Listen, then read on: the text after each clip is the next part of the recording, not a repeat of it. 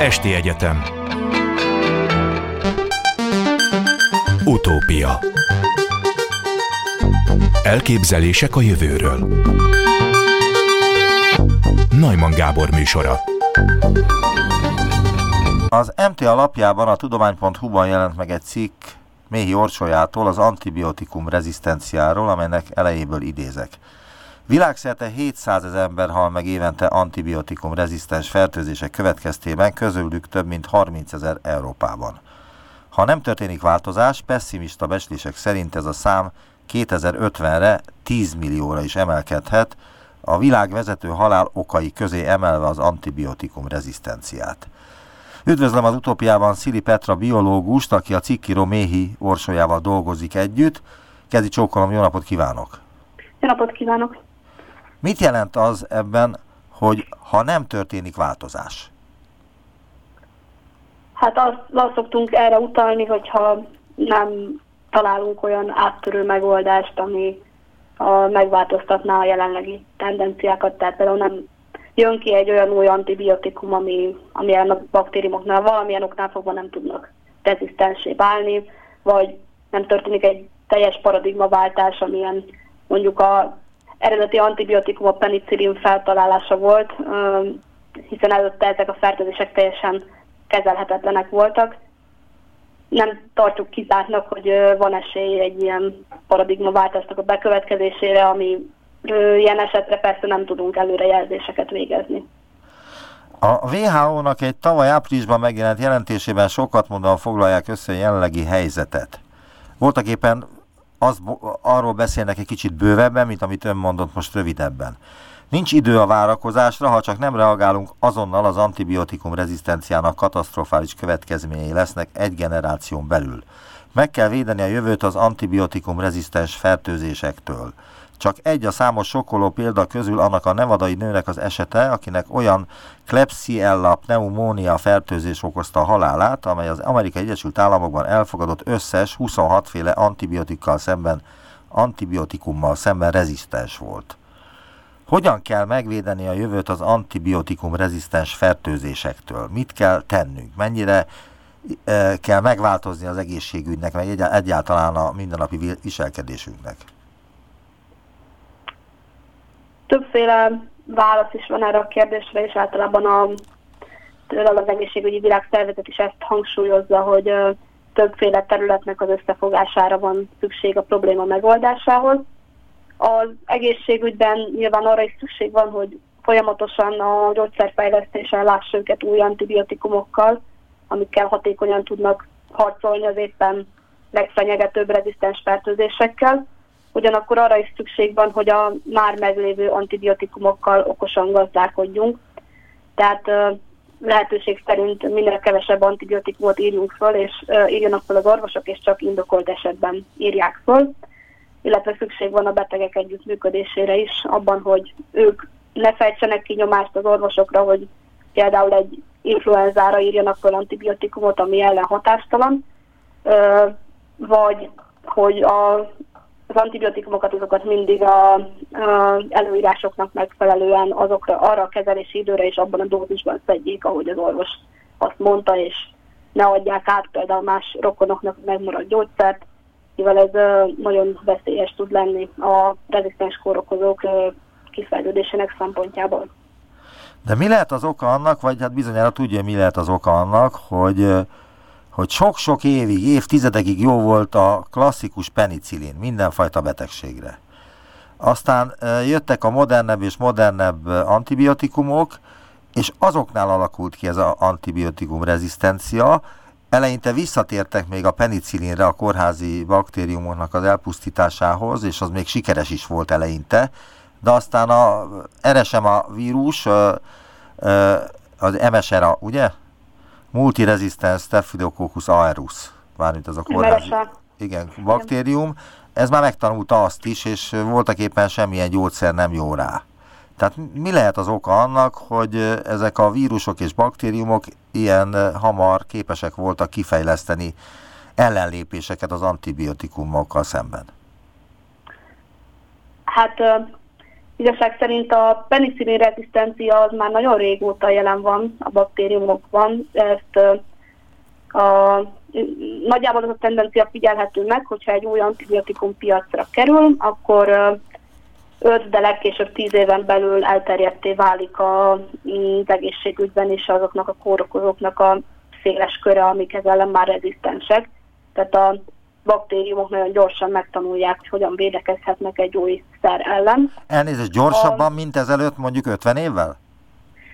Nem mondanám, hogy feltétlenül gyorsabban történik ez a folyamat, az uh, lehet, hogy gyorsult, hogy uh, gyorsabban terjednek el ezek a kórokozók, mivel a, az életmódunkból adódóan uh, sokkal többet utazunk, sokkal többet találkozunk uh, idegen baktériumflórákkal más országokban, illetve magukat az antibiotikumokat is jelenleg egy nagyon erős túlhasználat jellemzi nem csak az egészségügyben, hanem például a mezőgazdaságban is, ami súlyosbítja a problémát. Ön szerint a koronavírus okozta tüdőgyulladásnak a gyógyítását is az antibiotikum rezisztencia akadályozza?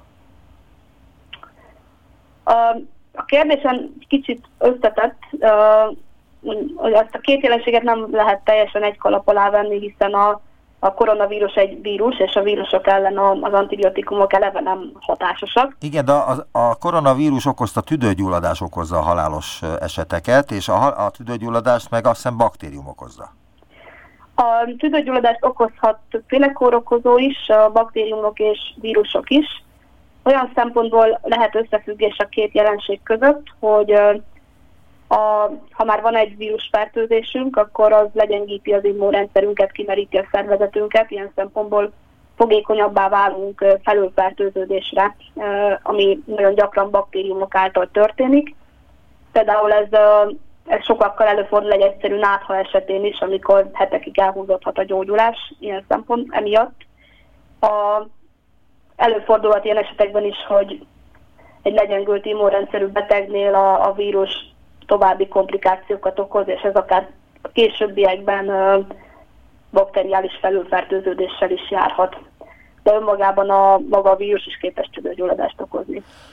Világos, de hogyha az illető megkapta a koronavírust, és utána felülfertőzés okán valami fajta komplikáció lép föl, mondjuk megkapja a tüdőgyulladást, ami sok esetben halálos idős embereknél, milyen gyógyszereket kapnak azok, akik ezt a tüdőgyulladást megkapják? Mivel próbálják legalábbis kezelni őket? Van egyáltalán bármi olyan gyógyszer, amivel ezt a tüdőgyulladást csillapítani lehet? Hát a, a vírusos része azért nehéz a történetnek, mert a vírusok ellen viszonylag kevés hatásos gyógyszer van, ha már megtörtént a fertőzés, inkább csak a tüneteket lehet kezelni. És a későbbiekben pedig, ha valóban kialakul egy bakteriális felülfertőződés, akkor pedig antibiotikumokra van szükség. Ebben az esetben pedig problémás lehet, hogyha a fertőzés, a bakteriális fertőzés az rezisztens ezekre az antibiotikumokra. Tehát a, jelenleg, ameddig nincs a koronavírus ellen védőoltás, addig nem nagyon van más út beavatkozni ebbe a folyamatba, de ezen már nagyon sok laboratórium dolgozik, szóval azt jósolják, hogy nyár elejére fog jönni a védőoltás kereskedelmi forgalomban. Tavaly októberben a következő hír jelent meg ebben a témában, az itthon is megtalálható veteménybab gyökércsomói között újfajta baktérium ölő vegyületet találtak, a fazolicint Mexikóban sikerült kinyerni a növény gyökerénél található rizobium nevezetséghez tartozó baktériumok segítségével. A rizobium talajbaktériumok felelősek a gyökéren megjelenő csomókért, segítenek felvenni a talajból a nitrogént és távol tartják a káros mikrobákat, írja a Science Alert. A Rutgers Egyetem kutatóinak Mexikóban, a Los Tuxtlas régióban található esőerdőben sikerült begyűjteniük a baktériumok azon fajtáját, amely a fazolicint termeli. A vegyület tulajdonképpen egy a riboszomában termelt peptid csoport, és az egészségügy mellett a mezőgazdaságban lehet még nagyon fontos szerepe. Mit lehet tudni erről az antibiotikumról, hogyha azóta, tehát tavaly október óta ez már nagyobb nyilvánosságot kapott, és akár már használják, használják is a növényvédelemben? A, ez egy viszonylag elterjedt jelenség szerencsére. Az antibiotikum felfedezésnek vagy fejlesztésnek még mindig ez az egyik hatékonyabb módja, hogy olyan ter- új természetes molekulákat fedezünk fel, amik valamilyen antibakteriális hatást biztosítanak. A, attól kezdve, hogy ezzel, ennek bizonyítottuk az antibakteriális hatását, és így akár megjelenhet ugye publikáció formájában, és így a széles nyilvánosság is tudomást szerez róla, innentől kezdve az, hogy emberi felhasználásra alkalmas gyógyszer legyen belőle, az akár még tíz évig is eltarthat. A klinikai fejlesztés szokásos fázisain kell áthaladnia minden új szernek, és nagyon sokszor sajnálatos módon eközben kiderül, hogy nem is alkalmazható különböző okok miatt ez az antibiotikum, gyakran a rezisztencia miatt.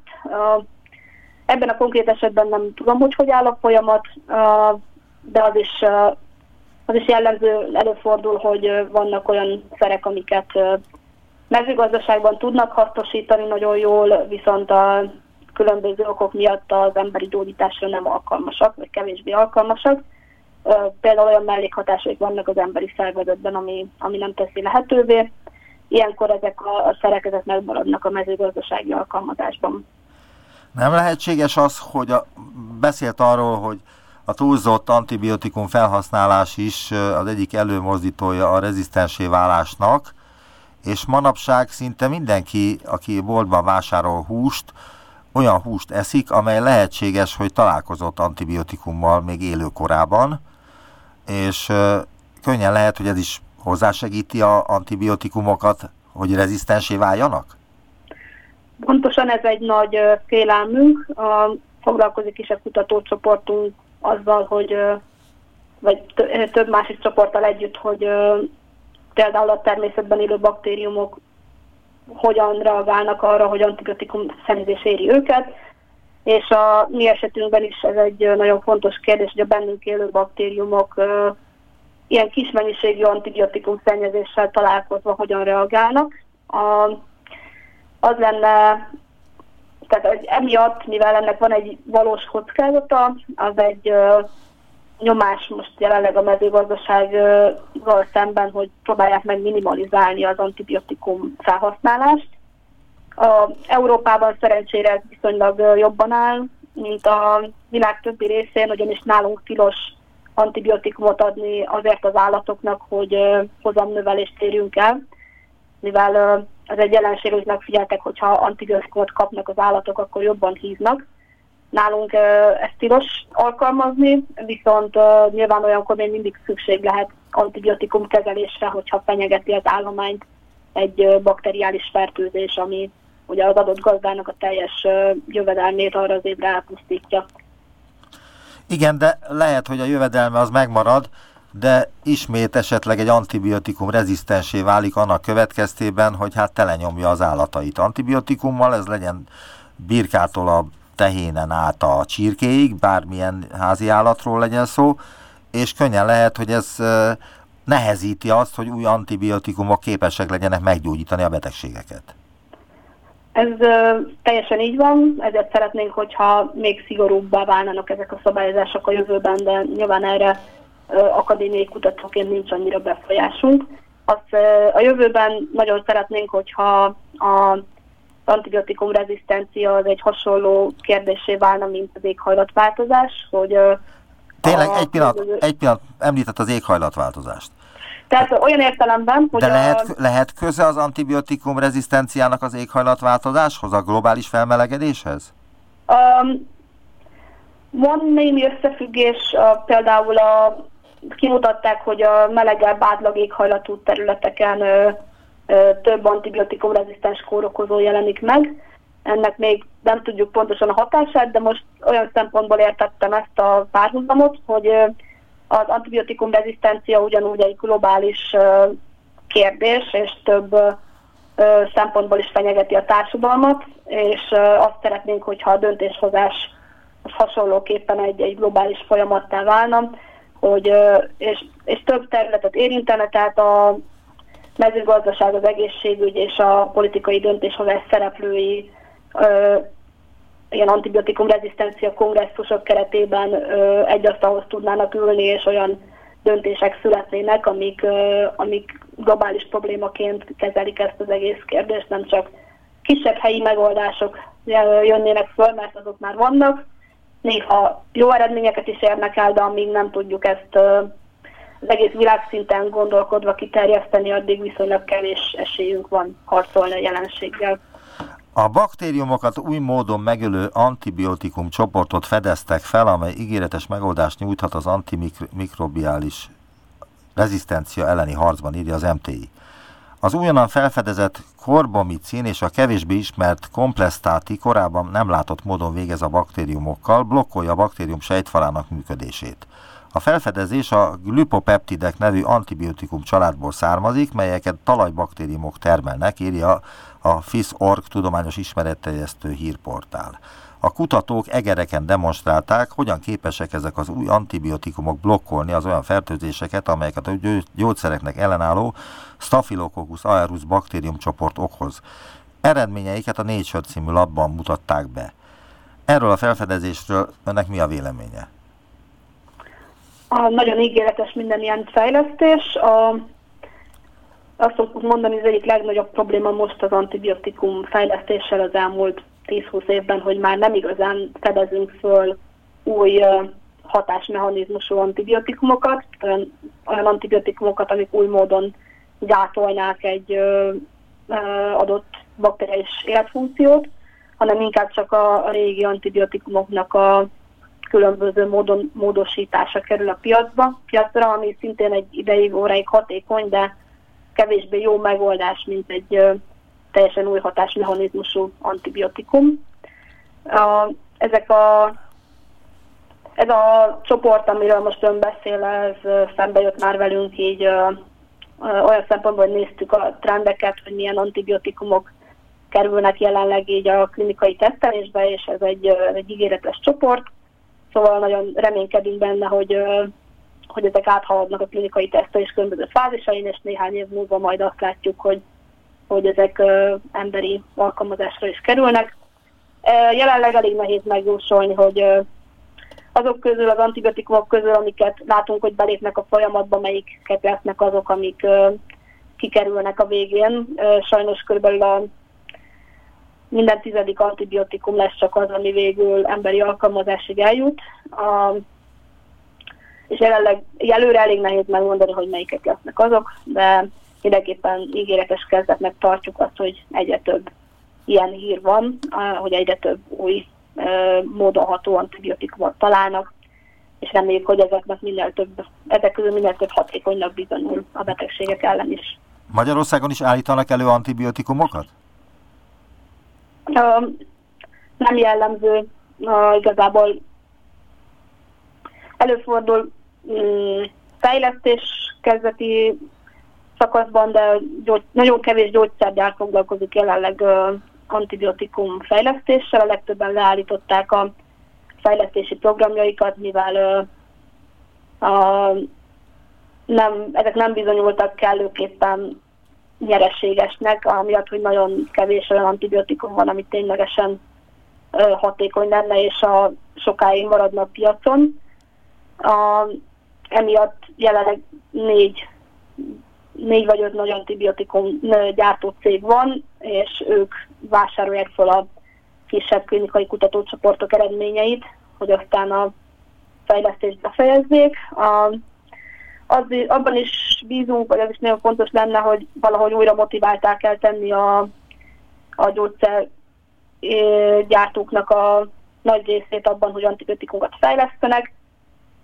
Erre vannak különböző lehetőségek, mint például abban látunk nagy potenciált, hogy, hogy arra használjuk a tudományos előre lépéseket az elmúlt évtizedekből, hogy előre jelezzük a rezisztencia kialakulását, és ezzel olyan antibiotikumokat tudnánk fejleszteni, amik tovább maradnak a piacon, és így a gyógyszergyártók is érdekeltebbek lennének azokra, hogy abba, hogy ezekbe investáljanak.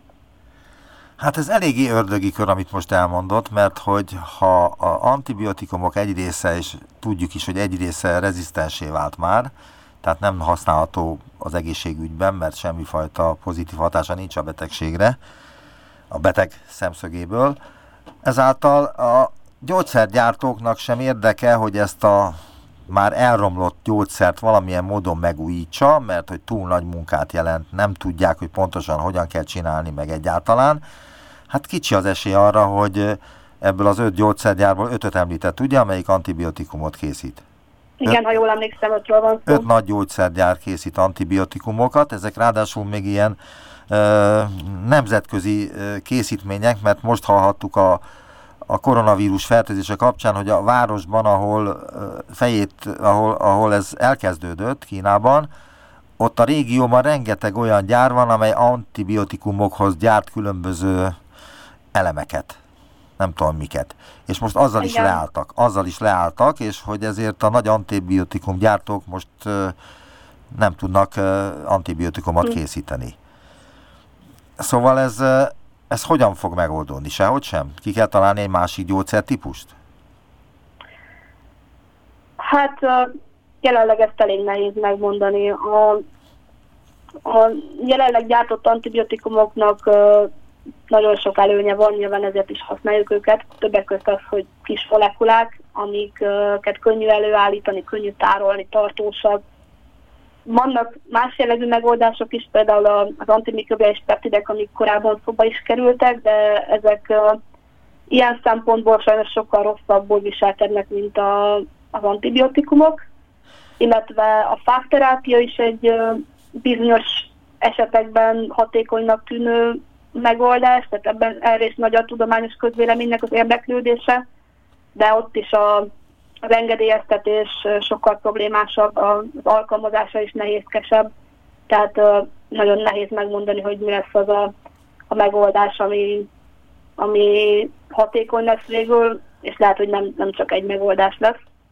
de mindenképpen arra is szükség van, hogy a piaci szereplőket motiváltá tegyük abban, hogy ebben a folyamatban segítsenek.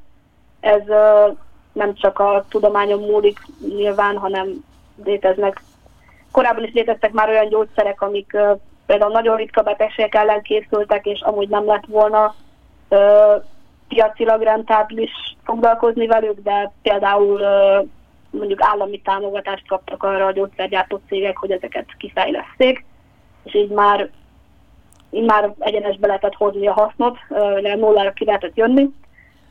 Szóval lehet, hogy a későbbiekben erre is szükség lesz, mert eddig azért eleinte az antibiotikum fejlesztés ez egy nyereséges szektor volt, most már inkább veszteséges, és emiatt, emiatt alternatív megoldásokra lehet szükség. Méhi orsolya, minden, igen? Igen, tehát hogy az a, az a jelenleg úgy látjuk, hogy az a lényeg, hogy minden, tehát hogy egy lehetőséget se zárjunk ki, hanem hogy minden, minél több olyan típ, minél több típusú szer legyen, ami eljut legalább addig, hogy klinikai tesztelésbe kerül, és aztán megláthatjuk. Illetve az előrejelzés, amit már említettem, hogy mm, mi ezt a témát forszírozzuk nagyon, erőltetjük, hogy, hogy igenis most már vannak olyan módszerek, amikkel előre lehet jelezni a rezisztencia kialakulását, és ezt már bele lehetne tervezni az antibiotikum fejlesztésben mivel jelenleg csak a fejlesztésnek a legvégén ellenőrzik a rezisztencia kialakulását, és nagyon elavult módszerekkel. Viszont, hogyha ezt jobban csinálnánk, akkor találhatnánk olyan gyógyszereket, amik kevésbé fogékonyak a rezisztenciára. Még azt akartam megkérdezni, mi Orsolya írja, hogy a retteget multidrog vagy pánzrezisztens szuperbaktériumok közé tartozik még a Staphylococcus aureus, a Mycobacterium tuber, tuberculosis, a Salmonella tifi vagy a Neisseria gonorrhea, ezeknek a szuperbaktérium fertőzésének a kétharmada kórházi eredetű. Ez mivel magyarázható, hogy épp a kórházakban alakulnak ki ezek a szuperrezisztens baktériumok?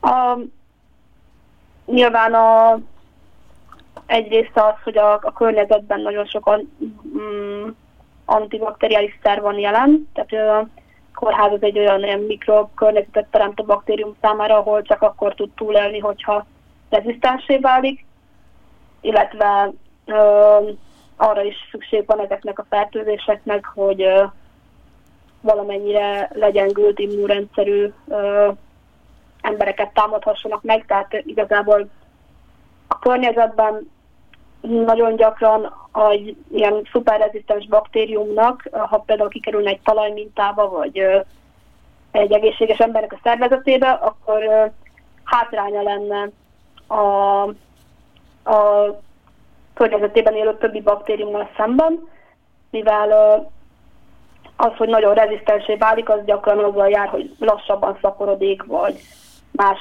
környezeti tényezőkkel szemben kevésbé ellenálló, és ezért ezeknek a baktériumoknak szüksége van erre a speciális mikrokörnyezetre, ami őket fenntartja. De sajnos ugye, mivel innen nem tudjuk őket kipusztítani, ezért uh, azért tudjuk, hogy ez így, így fennmarad, és uh, tud terjedni. Nagyjából ez a magyarázat, de egyébként a mikobaktérium tuberkulózis egy különösen nagy probléma a, uh, Afrikában, a fejletlen országokban, mivel a, ez egy viszonylag lassan fertőző, lassan terjedő baktérium, de ott a, a rossz igényes viszonyok miatt uh, nagyobb a kitettség, illetve a HIV vírus elterjedtsége az egy ö, olyan tényező, ami, ami rendkívül veszélyesé teszi. Tehát ezek ilyen kéz a kézben járnak, a HIV vírus legyengíti az immunrendszerét az embereknek, és emiatt a tuberkulózis jobban tud terjedni. Um, Szóval ott ez egy, ez egy kontinens szintű probléma igazából már, hogy nagyon sokan fertőzöttek mind a kettővel, és ezért lenne szükség uh, antibiotikumokra, amikkel legalább a bakteriális oldalát a fertőzésnek jobban tudjuk kezelni. Nagyon szépen köszönöm az interjút. Ciri Petra biológus volt az utópiában. Köszönöm szépen, viszont hallásra. Viszont hallásra. Utópia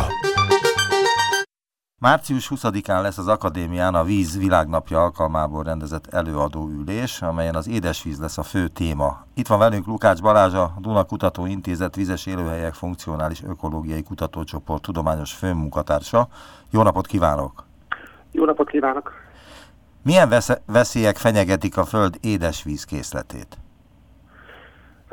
Hát sajnos azt kell mondani, hogy komplex a probléma, nem csak ugye nem csak a vizeinket, hanem úgy általában a körülünk, vagy minket körülvevő élővilágot, a természeti környezetet komplex folyamatok veszélyeztetik. Ugye az egyik leg, legexaktabb probléma az az, hogy túlhasználjuk ezeket az élőhelyeket.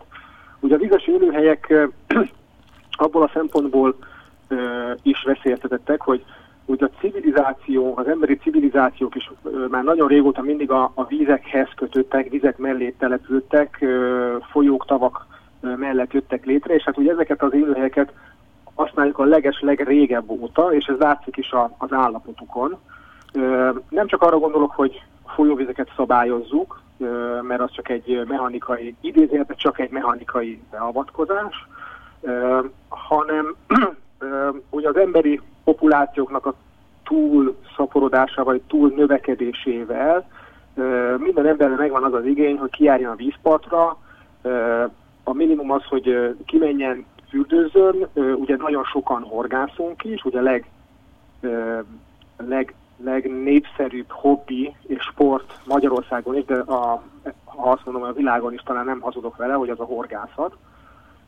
És hát ugye ez, ez a tevékenység jelentős hát módosító hatással van, és ennek neg- rengeteg negatív következménye van. A vizek eutrofizálódásától kezdve, tehát a növényi tápanyagokkal való felszaporodásától kezdve egészen a, a, a, a, a tó parti zónájának a, a teljes letarolásáig terjed, és hát ugye ezeknek a hatásoknak pedig további közvetlen, közvetett hatása van, tehát például az eutrofizációnak, az, hogy dobálunk bele rengeteg szerves anyagot, etetőanyagot a vizekbe, ez ugye hatással van a víznek az átlátszóságára, a színére, szagára, és ez további hatása van a benne élő állatokra, halakra, rovarközösségekre, és úgy összességében az ökológiai állapotára.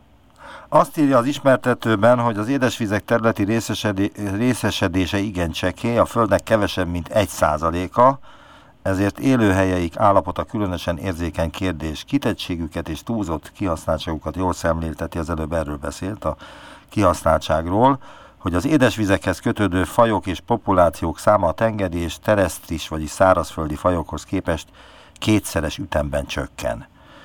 Milyen állatokról van szó, akik kétszeres ütemben csökkennek? Vagy amelyek kétszeres ütemben csökkennek? Uh, úgy, hát ugye ez a statisztika, ez a, uh, ezek úgy készülnek, a WWF szokott ilyen nagy globális statisztikákat kiadni, illetve az, az ENSZ-nek is vannak ilyen statisztikái. Ugye arra kell gondolni, hogy ha a föld a szárazföldek területi arányához viszonyítjuk, akkor tényleg ugye egy, egy százalék sincsen az, a folyóvizek, tavaknak az összterületi részesedése, és viszont ha azt nézzük, hogy hány fajt és milyen mekkora biomasszát tartanak el az édesvizek, akkor jönnek ki ezek az arányok, hogy, hogy sokkal az a minimális 1% alatti terület őrületes mennyiségű fajt tart el, és hogy ugye a kis területi részesedésnek köszönhető a sérülékenysége is, mert nyilván minél kisebb valamilyen valamilyen a területe, azt túlhasználjuk sokkal nagyobb mértékben, nagyobb ütemben romlik, mint hogyha az egy nagyobb területen lenne. Ezért ez a, ez a ö, arányaiban nagyon sok faj ö, a csökkenés az ennek tudható be. Hogy milyen fajok ezek, Hát azt kell mondani, hogy minden. Tehát a növényektől kezdve a vízi makroszkopikus gerincteleneken át, tehát a rovarokon át, a halakig mindent egységesen érint ez a, ez a fajszám, illetve biomassa mennyiségének a csökkenése. Talán a számunkra, az emberek számára a leg, legkézenfekvőbb nyilván a hal, illetve a hal táplálék, azok pedig általában makrogerinctelenek, ezeknek a csökkenése, illetve a, a szerkezetüknek az átalakulása az, hogy kevesebb faj van, kevesebb édesvízi halfaj van a vizeinkben, rengeteg halfajunk vált az elmúlt évtizedekben ritkává, vagy került közel a kipusztulás hatására. Itt ennek olyan okai lehetnek, hogy az egyik a például a haltelepítés, hogy nagyon egy irányba telepítünk, nagyon csak egy-két faj telepítünk a vizekbe a horgászati célra. Jelentősen rontja ezeknek a fajkészlet összetételnek a arányát például az idegenhonos fajoknak a, a terjedése, ahol megjelenik egy idegenhonos faj, vagy nem egy, hanem mondjuk egy-két-három ilyen faj megjelenik, akkor ott, ott egy ott egy nagyon jelentős faj struktúrát rendeződés következik be, ami általában az, az úgy ér véget, hogy, hogy, hogy mondjuk három idegenhonos faj bekerül, és mondjuk ennek a többszöröse, a számban többszöröse pusztul ki az őshonos fajok közül. Tehát ez a diverzitás csökkenés, és akkor kevés fajból lesz nagyon sok az adott élőhelyen, ami, ami felbolygatja a teljes ökoszisztémát. Tehát Várjuk csak a horgászásról beszélt az előbb, csak ez lehet, hogy ez ez eléggé jó példának tűnik a horgászok számára, hogy itt van ez a törpeharcsa, az egy invazit faj, amely véletlenül került be a magyar vizekbe, Igen. és minden vizet tönkretesz, minden élő vizet tönkretesz, mert olyan ellenálló, olyan szapora, stb. stb.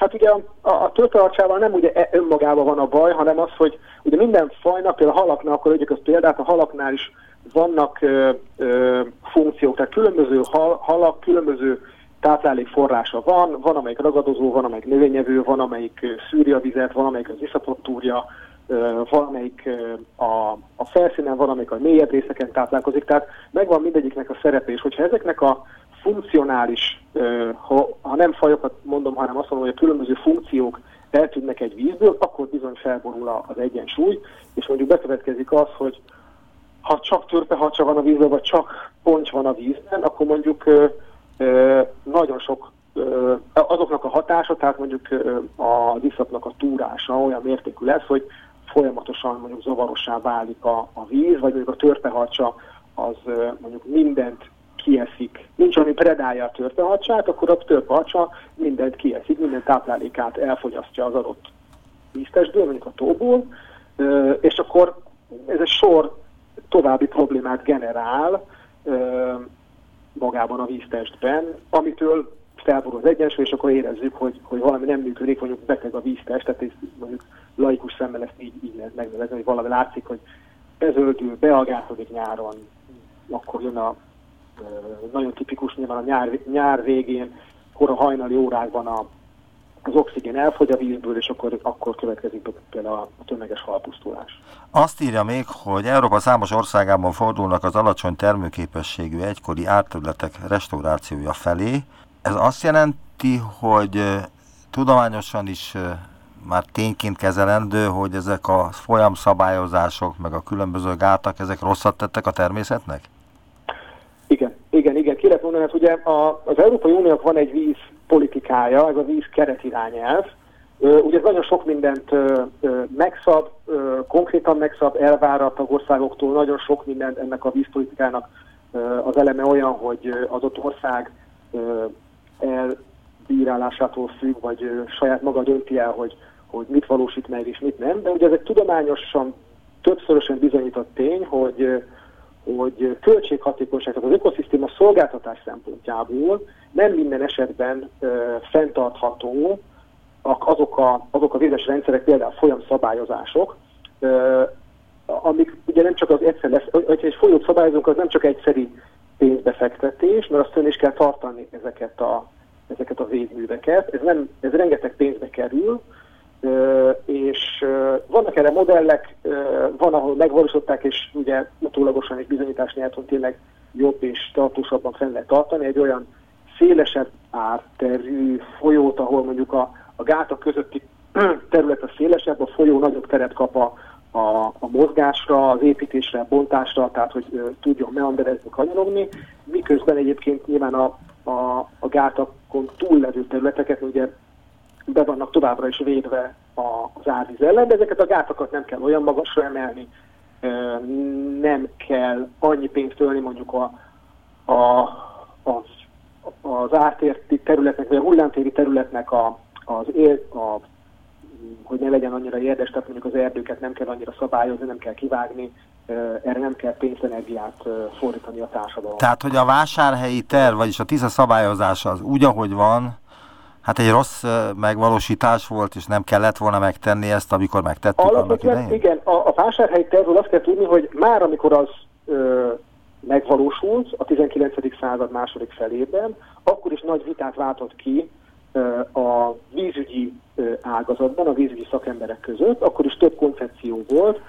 Sokan mondták, hogy nem kell ennyire szükre szabni például a Tisza folyónak a hullámterét, hanem szélesebb hullámteret kellene hagyni a folyónak, de nyilván az akkori politikai, az akkori döntéshozók úgy ítélték meg, hogy ezt valósítják meg, akkor az volt a cél, hogy minél több művelhető szántóterület jöjjön létre az Alföldön. Ez meg is valósult. Ugye azóta ezeket a gátakat, azóta többszörösére emelték a magasságát, azóta látjuk, hogy a, a, a Tisza folyó az, hogy egyenesen folyik le, folyamatosan mélyíti a medrét, ezáltal csökkenti nem csak a közvetlenül a folyóparton, hanem nagyobb térségi szinten is csökkenti a talajvíz szintet, aminek már plusz negatív hatásai vannak akár a mezőgazdaságra nézve, akár a természetes élőhelyeknek a vízellátottságára nézve. Ez további költségeket generál, hogy ő többet kell öntözni, elvizeket, vagy árasztó igen, vizeket kell megfelelő helyre elvezetni. Elnézést, hogyha ha lehetne, akkor vissza kellene csinálni az egészet? Visszacsinálni nem lehet. Ezeken módosítani lehet. Nyugat-Európában ugye rengeteg olyan projekt indult el az elmúlt, azt mondom, hogy 15 évben, mióta a vízkeret irányelv hatájába lépett, ami, ami, ami hasonló, tehát hogy folyó szabályozásokat igyekeztek átszabni. Nyilván továbbra is szabályozott marad, de próbáltak optimalizálni, hogy, hogy, hogy a társadalomnak is megmaradjon az, a, az az előnye, hogy nyilván árvíztől mentessé váljon, de, de a folyónak is több teret hagynak, illetve a természetes folyamatoknak is több teret hagynak. Ez általában a folyóvíz esetén a hullámtér szélesítését jelenti, egy állóvíz esetén azt jelenti, hogy nem kell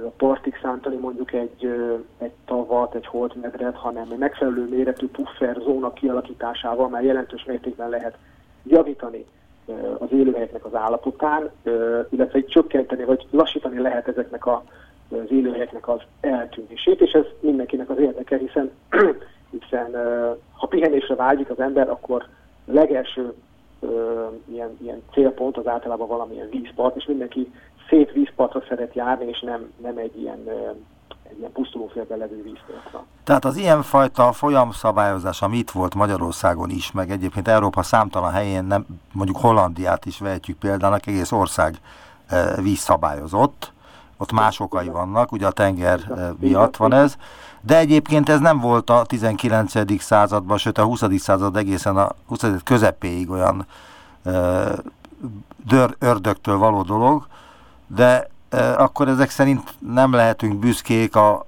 Tisza szabályozására, holott az egy ilyen, hát magyaroknak a szívét megdobogtató valami volt eddig legalábbis. Így van. Én nem kell, nem kell ideig elmenni, továbbra is büszke lehet az ember, a Magyar, Magyarország büszke lehet arra a műszaki mérnöki teljesítményre, ami, ami ezzel jár, tehát a Tiszát szabályoztuk, és nyilván ez akkor egy fontos beruházás volt, hiszen, hiszen akkor mezőgazdasági területeket kellett nyerni, művelhető területeket kellett nyerni. Világos, ezt már elmondta az előbb, ez, ez érthető. Abba, hogy milyen egyéb következményei lesznek 150-200 év múlva, ezek most jelentkeznek, és ezeket most kell orvosolni. Ugye vizes élőhelyek kapcsán nagyon fontos az, hogy vízhiány van, jelentős vízhiány van, és ennek csak egyik eleme például a folyószabályozás. Ugye nyilván ebben közrejátszik a globális felmelegedés is, közrejátszik az is, hogy folyamatosan vezetjük el például a vizeket, nem, meg, nem nincsenek uh, nagy térségi szintű, nagy globális, uh, nem gondoljuk át ezeknek a vizeknek a szerepét. Az a lényeg, hogy minél gyorsabban, minél hamarabb adott helyről elvezessük, és ugyanarra a helyre, uh, mondjuk két hónap múlva pedig az asszály miatt uh, pedig vizet kell visszavezetni. Ez igazából, uh, ha számszerűsítjük, vagy pénzben fejezzük ki, akkor ezek óriási költségek, amelyek lehet, amelyeknek egy részét lehet, hogy meg lehet spórolni, mondjuk azáltal, hogy, hogy bölcsebben hasznosítjuk a vizeket, visszatartjuk a belvizeket, egy belvizes időszakban megfelelő helyeken, a nagyobb területeken visszatartjuk a belvizeket, és nem vezetjük el, hagyjuk elszikadni, hagyjuk, hogy a talajvízbe kerüljenek. Nyilván ez egy konfliktusokkal telű megoldás, mert nyilván belvíz esetében az adott területnek a tulajdonos, a gazdálkodójának a termés kiesése van. Mert ugye a, a, az Európai Unióban a gazdálkodás, az, főleg a mezőgazdasági gazdálkodás ugye rengeteg szubvencióval jár, tehát mindenféle ö, támogatásokat kapnak a gazdák. Tehát ö, itt olyan ötletek vannak, és olyan ö, projektek indultak el az Európai Unióban is, hogy, hogy ezeknek a mezőgazdasági támogatásoknak is a rendszerét is részben át kell, át lehet szabni ahhoz, hogy, hogy a, vízgazdálkodás is megfelelő, optimálisabb és, és jobb, jobb hatékonysággal ö, menjen, és megmaradjon a, a, kecskés és a káposzta is megmaradjon, tehát továbbra is tudjuk használni ezeket a területek mezőgazdasági művelés céljára, de a természetet is jobban kimélnénk, illetve, illetve bölcsebben hasznosíthanánk, és ezáltal a ökoszisztéma szolgáltatás minősége az időben folyamatos lenne, tehát egy magasabb minőséget és hosszabb időben tudnánk nyilván a természettől így igénybe venni. Most váltanék témát, és egy öreg, örökzöldet veszek elő, mégpedig, hogy gondolkodnak-e a növények. Pár nappal ezelőtt jelent meg egy cikk az Világhálón, egy sor magyar honlapon is, ami erről szólt, és ebben a cikkben a nyugat Nyugat-Ausztráliai Egyetem botanikusa Monika K. Jánó kutatásairól volt szó, aki azt akarja bebizonyítani, hogy van olyan, hogy növényi kogníció, vagyis növényi gondolkodás. Önnek mi a véleménye erről? Igen. Láttam a, láttam a, a interneten megjelent írást is, meg elolvastam az eredeti cikket is, illetve áttanulmányoztam. Ugye ez két brazil, meg egy ausztrál kutatónak a a cikke, illetve cikkeiről van szó. Azt tudni kell, hogy a, a tudományos, tudományos publikációknak többféle típusa van. A kutatónak a feladat, hogy egy publikációkat jelentessen meg, ezzel mérik, ezzel kapja a támogatást, ezzel tud kutatási pályáz, pénzekre pályázni. Ugye ez az érintett mind a kettő a kutatónak a, a több cikkit, ahogy láttam, ebben a témában mostanában jelent meg, azok mind olyan cikkek, amik nem kutatási cikkek, tehát nem research article kategóriába sorolható cikkek, hanem úgynevezett ilyen concept paper, tehát elméleti, elméleti cikkek, ezek, ne, ezek nem számítanak olyan olyan kutatási eredménynek, mint egy, mint egy rendes tudományos közlemény. Ez tulajdonképpen ötletelgetésnek számít, és hát itt ugye arról van szó, hogy hogyha azt hívják a kutatók, hogyha a kognitív képességnek a definícióját, a keretrendszerét egy kicsit máshogy értelmezzük, mert ezt is lehet szűken, meg tágabban értelmezni, akkor elérhetünk oda, hogy, hogy akár azt is mondhatjuk, hogy a növényeknek vannak bizonyos olyan értelmi képességeik, amik, amik valami tudatos cselekvés. Mondok egy példát, jó? Mondok egy példát. Valóban előfordul-e az, hogy egy hatalmas erdő egyik szélén fakivágás zajlik, és a másik szélén furcsa reakciókat lehet észlelni a növények részéről, mintha fájna nekik. Hát igen, érdekes elképzelés. E, vannak ilyen irányú hogy mondjam, gondolatok, meg vélemények, hogy ez létezik. Ezek többnyire a tudományos élet ezeket még az ezopéria, inkább azt mondom, az ezopéria kategóriába sorolja. Tehát tudományosan ezzel nem foglalkoznak. Nem lehet, nem, nem lehet, nem volt még bizonyítva. Egy biztos, hogy a, például a fák esetében ugye vannak szezonális és napszakos mozgások is, tehát nyilván érzékelik ők a, a környezetüket, de az, hogy ők egy, nem tudom én, pár század, pár kilométerrel adébb levő társuknak a, a kivágását valamilyen formán érzékelni kell, és ezek valami mérhető változást okozna az ő állapotában, alakjában, vagy fiziológiai állapotában, ez, ez azért még ö, nem nyert bizonyítás, tehát ez így még egy meredek állítás. Akkor lenne. van egy másik példa, ami állítólag kutatók ö, számára is evidens. A növényi memória, ha létezik ilyesmi, kutatása a 80-as években tűnt fel ismét. Francia kutatók kimutatták, hogy a növények megjegyzik, ha a hajtásaik egyik oldalán folyton sérülés éri a leveleiket, és ezután inkább a másik oldal növekedésére koncentrálnak, ahol nagyobb biztonságban lesznek a levelek.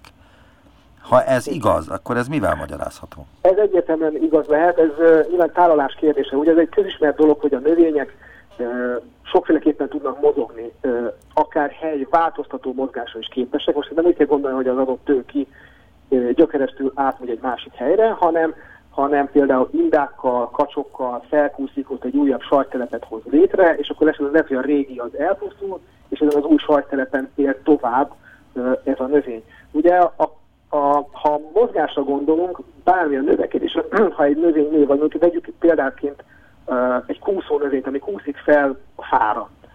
Ugye, a, ugye indákkal, kacsokkal kapaszkodik, és ott, ahol ez úgy működik, hogy azon a részen, ahol a kacs hozzáér valamihez, ott érzékeli ezt a, ezt a nyomást, ezt a, ö, ö, a növény, amivel, amivel szembesül, és azon a részen, azon a ponton, ahol ő, ő érzékelődik, ott megáll a növekedés, viszont az ezzel ellentétes oldalon pedig tovább folytatódik a növény, és így, így jön létre az, hogy így betekeredik a növény mondjuk a, az oszlop, oszlop köré, ami, ami, amire éppen fut fel. Tehát ugye a növényeknek Sokféle aktív mozgása van, ezeket hívjuk taxisoknak, tropizmusnak, illetve nasztiáknak, különböző típusban sorolhatók, ezeket mechanikus, fény, hőmérséklet, vagy a gravitációs, nagyon sokféle inger válthatja ki, ezeknek ilyen ö, ö, típusai, altípusai vannak. Nagyon jó példa például a, a, a taxisokra, ezt úgy tudományos néven taxisnak hívják, például a fototaxis, hogy a, a fény vág ki valamilyen mozgást, tehát például a, a, virág, az a fény, a napraforgó virága mondjuk a fény felé fordul mindig.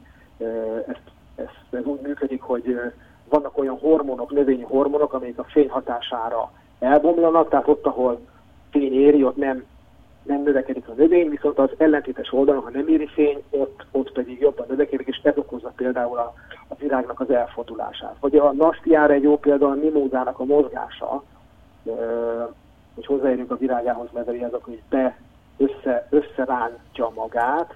Tehát az növények képesek érzékelni a környezetüket, és arra képesek reagálni. Van, ami lassabban, van, ami gyorsabban.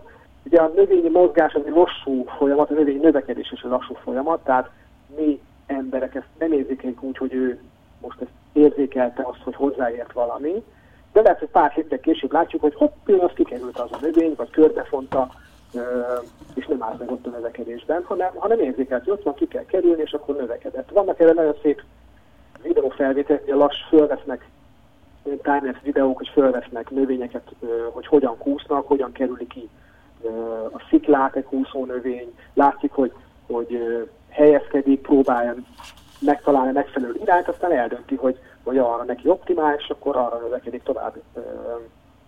És az a véleménye önnek, hogy ennek voltaképpen nincs semmi köze ahhoz, amit az emberek gondolkodásnak neveznek?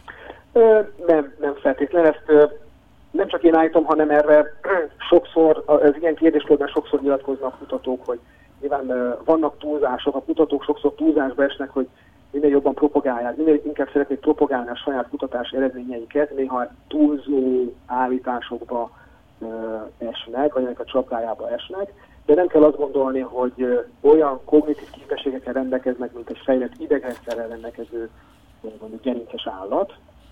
De visszatérve mondjuk az eredeti cikkre, ugye az, hogy mit tekintünk kognitív képességnek, az is megegyezés kérdése, mert lehet szűken értelmezni, lehet tágabban értelmezni. Van, aki azt mondja, hogy csak azok a fajok rendelkeznek olyan értelmi működése, amiknek bonyolult idegrendszeri fantát fejlett agyuk. De ha veszük a példát mondjuk egy rovar, mondjuk egy pókot, ami elég sok bonyolult dolgot képes megcsinálni azzal a minimális dúcidegrendszerrel, ami neki van, akkor van, aki azt mondja, hogy például a háló, amit a pók sző, és amin keresztül érzékeli a külvilágot, az az kognitív képességének a kiterjesztése lehet, tehát hogy, hogy bizonyos élőlények, itt például akár a növények is, tehát más környezet használatával, akár a kognitív képességeiket is ki tudják terjeszteni, és tudják használni az érzékelésre. Tehát ez, ez tulajdonképpen csak játék a, a szavakkal, illetve a, a fogalmakkal, ki hogy értelmezi, mennyire tágan vagy értelmezi ezt a keretrendszert. Nagyon szépen köszönöm az interjút. Lukács Balázs, a Tuna Kutató Intézet, vizes élőhelyek funkcionális ökológiai kutatócsoport tudományos főmunkatársa volt az utópiában. Viszont hallásra. Köszönöm, köszönöm az interjút még Viszont hallásra.